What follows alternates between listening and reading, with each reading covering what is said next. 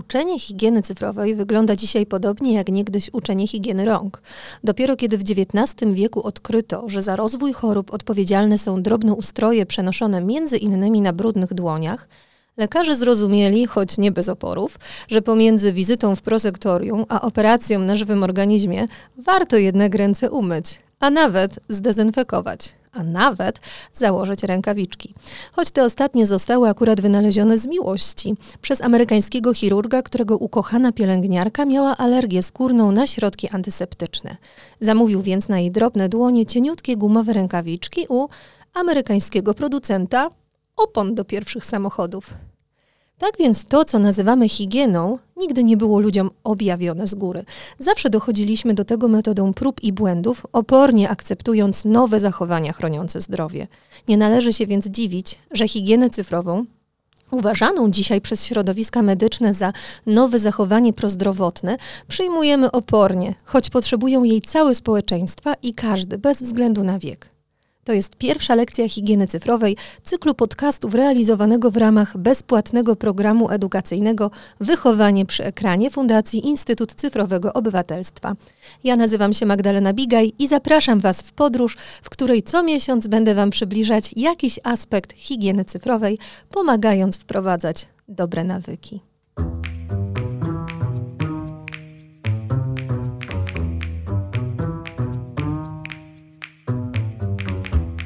Nasze lekcje higieny cyfrowej poprowadzą Was za rękę przez meandry współczesnych wyzwań, jakie stawiają przed nami nowe technologie, wpływając już na każdą sferę życia, nawet tak intymną jak relacje miłosne czy zachowania czysto fizjologiczne, nie mówiąc o naszych talentach i możliwościach uczenia się.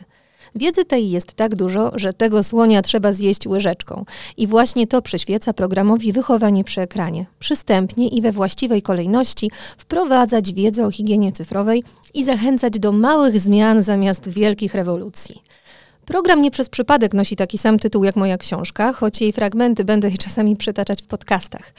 Żywe reakcje osób czytających, zarówno zwykłych rodziców, jak i nauczycieli czy dziennikarzy, utwierdziły mnie w przekonaniu, że właśnie taka retoryka, będąca blisko codziennego życia, ociosana z hermetycznego języka, najskuteczniej otwiera na nową wiedzę i zachęca do zmiany. Dziękuję mojemu wydawnictwu WAB za wyrażenie zgody na to, by program mógł nosić tytuł książki. Zresztą tytuł ten zawdzięczam mojej ukochanej polonistce z liceum, Basi Krawczyk, która powiedziała mi kiedyś podczas pogawędki o książce: Zatytułuj to tak, żeby każdy, a nie tylko rodzic, wiedział, że to dla niego. Tak powstał tytuł Wychowanie przy ekranie, bo wychowanie jest słowem otwartym, zapraszającym, włączającym. Dziecko wychowuje przecież cała wioska. I my sami także stale musimy siebie wychowywać. Dlatego chociaż program edukacyjny Wychowanie przy ekranie kierowany jest głównie do nauczycieli i nauczycielek, to towarzyszące mu podcasty tworzyć będziemy tak, aby były przydatne dla każdego i każdej z Was. Mam nadzieję, że ruszycie z nami w tę podróż, bo można dzięki niej tylko zyskać. Moje dzieci uwielbiają słodycze i nie muszę się zastanawiać, po kim to mają. O ile trzyletni Jasio zupełnie nie rozumie, dlaczego reglamentuje im czekoladę, o tyle trzynastoletnia Marysia potrafi już sama się kontrolować. Czy pralinki przestały jej smakować? Nie sądzę. Co więc ich różni? Otóż Marysia rozumie już, że cukier nie tylko dostarcza przyjemności, ale że w nadmiarze może powodować różne negatywne konsekwencje zdrowotne. To właśnie ta wiedza wzmacnia jej silną wolę i sprawia, że ma motywację do samokontroli. Z różnym skutkiem oczywiście, ale któż z nas nie zjadł w godzinie mroku schowanego przed dzieckiem jajka niespodzianki? Dlatego uważam, że żadne zasady higieny cyfrowej nie mają szans na skuteczne wdrożenie ani w szkole, ani w domu, jeśli stosujący je ludzie nie rozumieją, dlaczego mają je wprowadzać. Skrolowanie Facebooka na kanapie nie różni się wiele od wciągania tabliczki czekolady. Co w tym złego, że właśnie tak lubię odpoczywać? Dlatego pierwsza lekcja higieny cyfrowej przypominać będzie bardziej biologię niż informatykę. Potrzebujemy małych korepetycji z tego przedmiotu, żeby zrozumieć, jak nowe technologie wpływają na nasz mózg. Bo to tam właśnie, w środku naszej głowy, odbywa się walka pomiędzy naszą samokontrolą a tak zwanym ośrodkiem nagrody. Przed jednym ze szkoleń z higieny cyfrowej dostałam pytanie, czy uczestnicy potrzebują mieć ze sobą komputery. To mi uświadomiło, jak bardzo potrzebujemy głoszenia prawdy o tym, że nowe technologie oddziałują na nas tak mocno. Nie dlatego, że nie mamy wystarczająco dobrego komputera albo, albo jakiegoś oprogramowania, albo nie umiemy czegoś zainstalować. Paradoksalnie, te ultranowoczesne wynalazki, które trudno nam zrozumieć, odwołują się do bardzo pierwotnych, starych procesów w naszych głowach, które zachodziły już u naszych pra, pra, pra, pra przodków. Z tej wiedzy o budowie i działaniu mózgu chętnie czerpie współczesny kapitalizm. Jeszcze nigdy nie miał on tak skutecznych narzędzi do pozyskiwania naszej uwagi i przekonywania nas do czegoś. Postaram się Wam krótko opowiedzieć, jak to się dzieje. To, co istotne, to fakt, że procesy te zachodzą u człowieka w każdym wieku. Nie tylko więc u Waszych dzieci czy uczniów, ale także u Was samych. Y, poprawka. U nas samych. U mnie również, bo mój mózg nie jest lepszy niż Twój. Często spotykam się z błędnym przekonaniem, jakoby mózg każdego z nas na starcie był jakąś tabula rasa i w ciągu życia każdego człowieka z osobna kształtowały się w nim indywidualne zasady działania. Prawdopodobnie przekonanie to wynika z mylnego rozumienia popularnych stwierdzeń, że możliwości mózgu są nieograniczone, że jest plastyczny i uczy się całe życie. W efekcie niektórzy nas z nas myślą o swoim mózgu, jakby był elementem naszej osobowości. Trochę tak, jakbyśmy uważali wątrobę za część naszego ja, a jej funkcjonowanie uzależniali od liczby przeczytanych książek i zdobytego wykształcenia. Mózg rzeczywiście jest plastyczny i uczy się całe życie. Z tym, że chodzi tu nie tylko o nasze życie, ale też o życie naszych przodków. Mózg to przede wszystkim organ jak każdy inny w naszym ciele. I to, w jaki sposób działa, dopracowane jest przez całą historię człowieka na Ziemi. Każdy z nas dostaje tak samo zaprogramowany mózg, ukształtowany przez ewolucję, czyli to, jak żyli nasi przodkowie. To tak, jakbyśmy mieli do czynienia z trwającym 200 tysięcy lat projektem trenowania bota AI. AI to skrót od Artificial Intelligence, czyli sztuczna inteligencja. Rodzimy się więc jako kolejna, lepsza wersja poprzedniej wersji. Przypomina Wam to trochę maszynę czy urządzenie? Doskonale. Właśnie tak warto o mózgu myśleć. Jak o doskonałej maszynie, a nie o jakimś mistycznym ciele, w którym zachodzą magiczne procesy sterowane naszą wolą. Oczywiście rozwój mózgu można wspierać lub zakłócić. Można też świadomie zwiększać jego możliwości, ale zasady jego działania pozostają od wieków niezmienne. Część z Was chciałaby teraz może zripostować, no dobra, ale dlaczego nasze mózgi nie przystosowały się jeszcze do życia ze smartfonem w ręku? Gatunek ludzki pokonał tyle trudności, a nie potrafi sobie poradzić z Markiem Zuckerbergiem?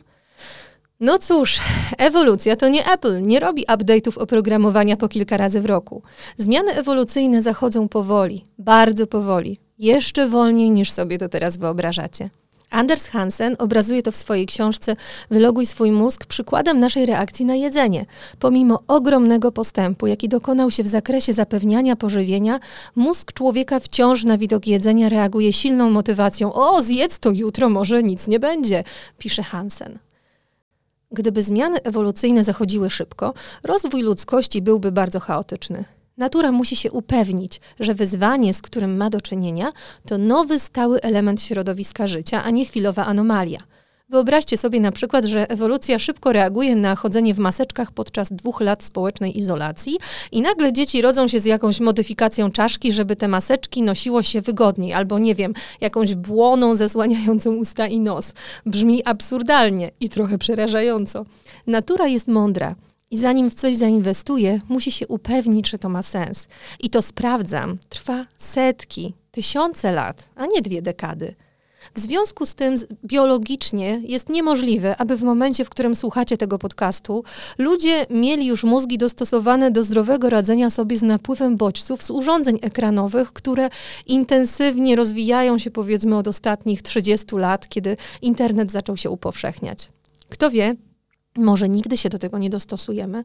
Może po drodze wydarzy się coś, co sprawi, że problemy, o których dzisiaj mówimy, stracą na randze i zmaleją do rozmiarów nieznacznego epizodu.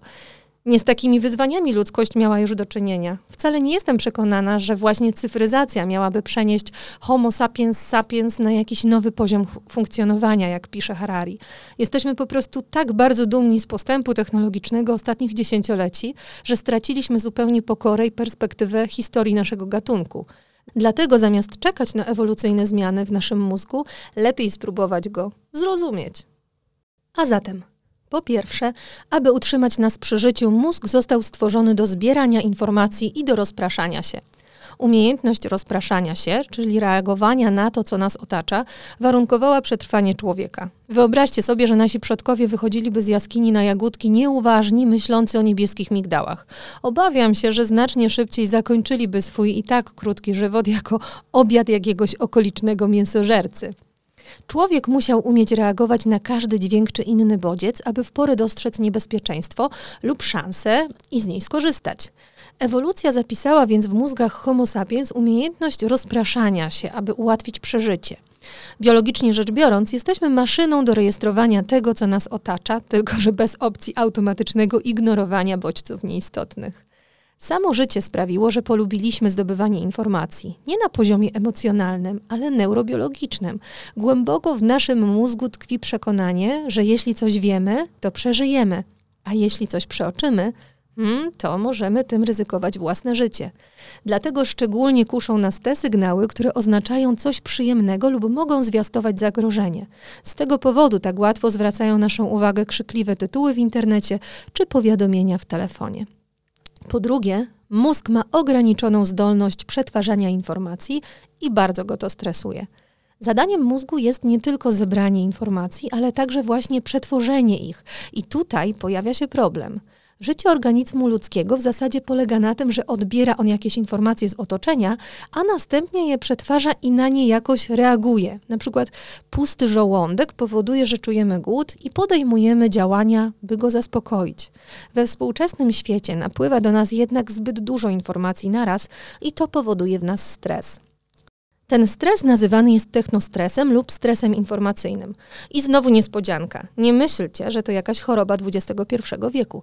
Po raz pierwszy technostres zdefiniował Daniel, e, przepraszam, Craig Brod, nie James Bond, Craig Brod w 1984 roku, stwierdzając, że jest to współczesna choroba adaptacyjna spowodowana niezdolnością do radzenia sobie z nowymi technologiami komputerowymi w zdrowy dla naszej psychiki sposób. Jeśli informacji jest za dużo, mózg się stresuje, bo przecież jego zadaniem jest przetworzenie wszystkich informacji. Jeśli tego nie zrobi, może zginąć. A czy nie mógłby ich przetwarzać jakoś naraz? No właśnie nie za bardzo, bo i tu po trzecie, mózg nie potrafi koncentrować się na wielu rzeczach jednocześnie. Dowiodło tego mnóstwo badań naukowych. Koncentracja jest liniowa.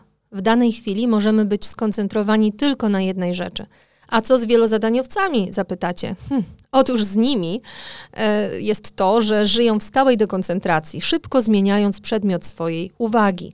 Na dłuższą metę to bardzo szkodliwe dla naszego dobrostanu. Więcej opowiadam o tym w drugim i szóstym odcinku podcastu Instytutu Cyfrowego Obywatelstwa. Osoby chętne mogą tam zdobyć więcej wiedzy na ten temat. W dzisiejszej lekcji zapamiętujemy po prostu fakt, że mózg koncentruje się tylko na jednej rzeczy naraz. Kropka. Po czwarte, mózg chce oszczędzać energię. Zadaniem mózgu jest utrzymanie nas przy życiu, ale to zależy od mądrego gospodarowania energią, a dokładnie tym, co nazywamy kaloriami. Nigdy nie wiadomo, czy za chwilę nie zabraknie nam jedzenia. Już wiecie, że ewolucja musi się upewnić, że jakaś zmiana nastąpiła na stałe i nie uwierzyła jak dotąd, że nie grozi nam głód. Ewolucja nie wie, że żabka jest co 500 metrów.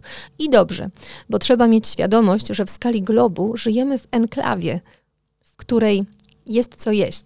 Ale nie wiadomo, czy zawsze tak będzie, a już na pewno zawsze tak nie było. A i tak dwa miliony ludzi w Polsce żyje poniżej granicy ubóstwa. W związku z tym mózg funkcjonuje tak, aby zużywać tych kalorii jak najmniej. Jest największym przeciwnikiem naszych noworocznych planów odchudzania i kto wie, może rzeczywiście słyszymy w głowie głosy zacznij od poniedziałku. Aby te kalorie oszczędzać w swojej codziennej pracy, zbieraniu i przetwarzaniu informacji, mózg szuka dróg na skróty. Upatrywać w tym należy nie lenistwa, ale właśnie geniuszu optymalizacji, o jakim marzy nie jeden menedżer w korporacji. Mózg bowiem, aby zwolnić sobie pamięć operacyjną na przetwarzanie kolejnych napływających informacji, zapisuje co się da w tak zwanej pamięci proceduralnej i tworzy w ten sposób nawyki. Dzięki temu nie musi analizować tych samych bodźców po raz kolejny, tylko wie już doskonale, jak na nie zareagować i robi to nawykowo. Po co to robi? Żeby było szybciej. A czemu właściwie ma być szybciej? żeby było taniej. A co jest walutą? Energia. Otóż podstawowym celem mózgu jest utrzymanie nas przy życiu i dlatego optymalizuje on sobie procesy, by zużywać jak najmniej energii na zbędne rozkminki. A na myślenie i pracę mózgu w ogóle i tak zużywa aż 50% dziennego zapotrzebowania energetycznego u dzieci i 20% u dorosłych. Mózg zatem oszczędza na czym się da, aby wspomniana wyżej wymiana informacyjno-energetyczna była jak najbardziej efektywna. Duże oddanie szybko, takie rzeczy tylko w mózgu. I pomaga mu w tym m.in. pewien istotny związek chemiczny dopamina. Dopamina jest neuroprzekaźnikiem wytwarzanym i uwalnianym przez komórki nerwowe i rdzeń kręgowy. Ma wiele ważnych funkcji w organizmie. Nas jednak w kontekście tematu tej lekcji interesuje to, dlaczego nazywana jest hormonem motywacji, a nawet przekaźnikiem przyjemności. Otóż hormon ten wydziela się m.in. wtedy, kiedy robimy coś przyjemnego, ba, nawet wcześniej, kiedy nasz mózg dopiero spodziewa się, że możemy jakąś przyjemność zaliczyć. Akcja rozgrywa się w części naszego mózgu zwanej układem nagrody. Gdy poprzez zmysły namierzymy w pobliżu jakąś przyjemność, dochodzi do wystrzału dopaminy, która motywuje nas do podjęcia działania, które ma się zakończyć zdobyciem przeczuwanej przyjemności. I tu miejsce na kolejny ważny fakt. Po piąte, układ nagrody w mózgu nie rozróżnia dobra i zła. Nie jest naszym sumieniem. Zamyślenie o konsekwencjach, decyzje etyczne, samokontrolę i samoregulację odpowiada zupełnie inna część naszego mózgu, kora przedczołowa. I naszym zadaniem w higienie cyfrowej jest właśnie sprawić, by sprawnie potrafiła ogarnąć ten bezrozumny układ nagrody, bo to on pierwszy reaguje na przyjemność i nie myśląc o konsekwencjach, uruchamia dzięki dopaminie odruch zdobycia jej. Co więcej, im łatwiejsza do zdobycia jest dana przyjemność, tym większe strzały dopaminy serwuje nasz mózg. I tutaj, trochę spoilerując lekcję drugą, muszę dodać, korzystanie z urządzeń ekranowych i kontakt z treściami w internecie, mediami społecznościowymi, grami, serwisami informacyjnymi nie dość, że sprawiają nam przyjemność, to jeszcze są łatwe do osiągnięcia, dosłownie w zasięgu ręki. To łatwiejsze niż zapracowanie na piątkę z chemii pilnym uczeniem się, przeczytanie książki, a czasem nawet łatwiejsze niż doznanie przyjemności z rozmowy z drugą osobą. To dlatego, kiedy próbujemy się skupić na pracy czy nauce, a w pobliżu mamy na przykład smartfon, będzie nam się trudno skoncentrować, nawet jeśli będzie on wyciszony. Nasz mózg cały obślini się dopaminą na sam widok urządzenia, które może dać mu tak szybką przyjemność. Z tego powodu podczas nauki i pracy warto usunąć telefon z zasięgu wzroku, a nie tylko go wyciszyć. Dopamina tak bardzo kieruje naszymi działaniami, że mózg cały czas skanuje otoczenie w poszukiwaniu źródeł przyjemności i jeśli je zidentyfikuje, to bez naszej świadomej decyzji uruchamia się nawykowe zachowanie prowadzące do pozyskania przyjemności. To ta wspomniana droga na skróty, aby zaoszczędzić energię i szybko dostać nagrodę. Z tego powodu nawet nie zauważamy, że znowu sięgnęliśmy po telefon. Zerknijcie w swoje statystyki telefonu. Ile macie tak zwanych aktywacji ekranu dziennie, czyli ile razy go odblokowujecie. Idę o zakład, że podobnie jak ja, widząc tę liczbę, nie jesteście w stanie wymienić wszystkich powodów, dla których to zrobiliście. Dopamina wydziela nam się zwłaszcza wtedy, gdy słyszymy dźwięk powiadomienia. Nasz mózg kocha niespodzianki. Do tego stopnia, że w badaniach naukowych obserwowano wyższy poziom dopaminy na sam dźwięk powiadomienia niż w momencie odczytywania wiadomości. Przypomnijcie sobie o tym, kiedy następnym razem poczujecie przemożną chęć odczytania wiadomości w trakcie rozmowy z kimś. Dlatego uwierzcie mi, nawet jeśli macie zaawansowaną wiedzę na temat oddziaływania ekranów na mózg, on wciąż będzie chciał więcej i więcej, czego jestem najlepszym przykładem. Tak jak układ trawienny robi to, co do niego należy, będąc do bólu precyzyjnym, zgodnie z prawami natury, tak i nasz mózg nie podejmuje decyzji moralnych, czy warto zrobić wyrzut dopaminy na myśl o kolejnym odpaleniu Facebooka, czy nie. Po prostu to robi bo sobie zakodował, że to daje przyjemność. I na dodatek chce tej przyjemności jak najwięcej, bo ma wgrane proste oprogramowanie, które od zawsze pomagało mu przeżyć. Przyjemność to życie, nieprzyjemność to choroba i śmierć. Niestety, nasze bezmyślne układy nagrody nie mają opcji aktualizacji oprogramowania, że pewne przyjemności, zwłaszcza w nadmiarze, mogą szkodzić. Te kropki musimy już połączyć sami, zaprzęgając do tego korę przedczołową, a w niej samokontrolę, i ucząc się samoregulacji. Zwłaszcza ta ostatnia pełni szczególnie ważną funkcję w świecie pełnym szybkich sposobów ukojenia emocji. Ale o samoregulacji porozmawiamy w innej lekcji higieny cyfrowej. I teraz, kiedy już dowiedzieliście się o działaniu układu nagrody e, i kilku istotnych cechach mózgu, spójrzcie, jak idealnie dostosowane do nich są media społecznościowe, gry cyfrowe i wiele innych produktów nowych technologii. Wszystkie są zwiastunem przyjemności w postaci szybkiego zapotrzebowania potrzeb.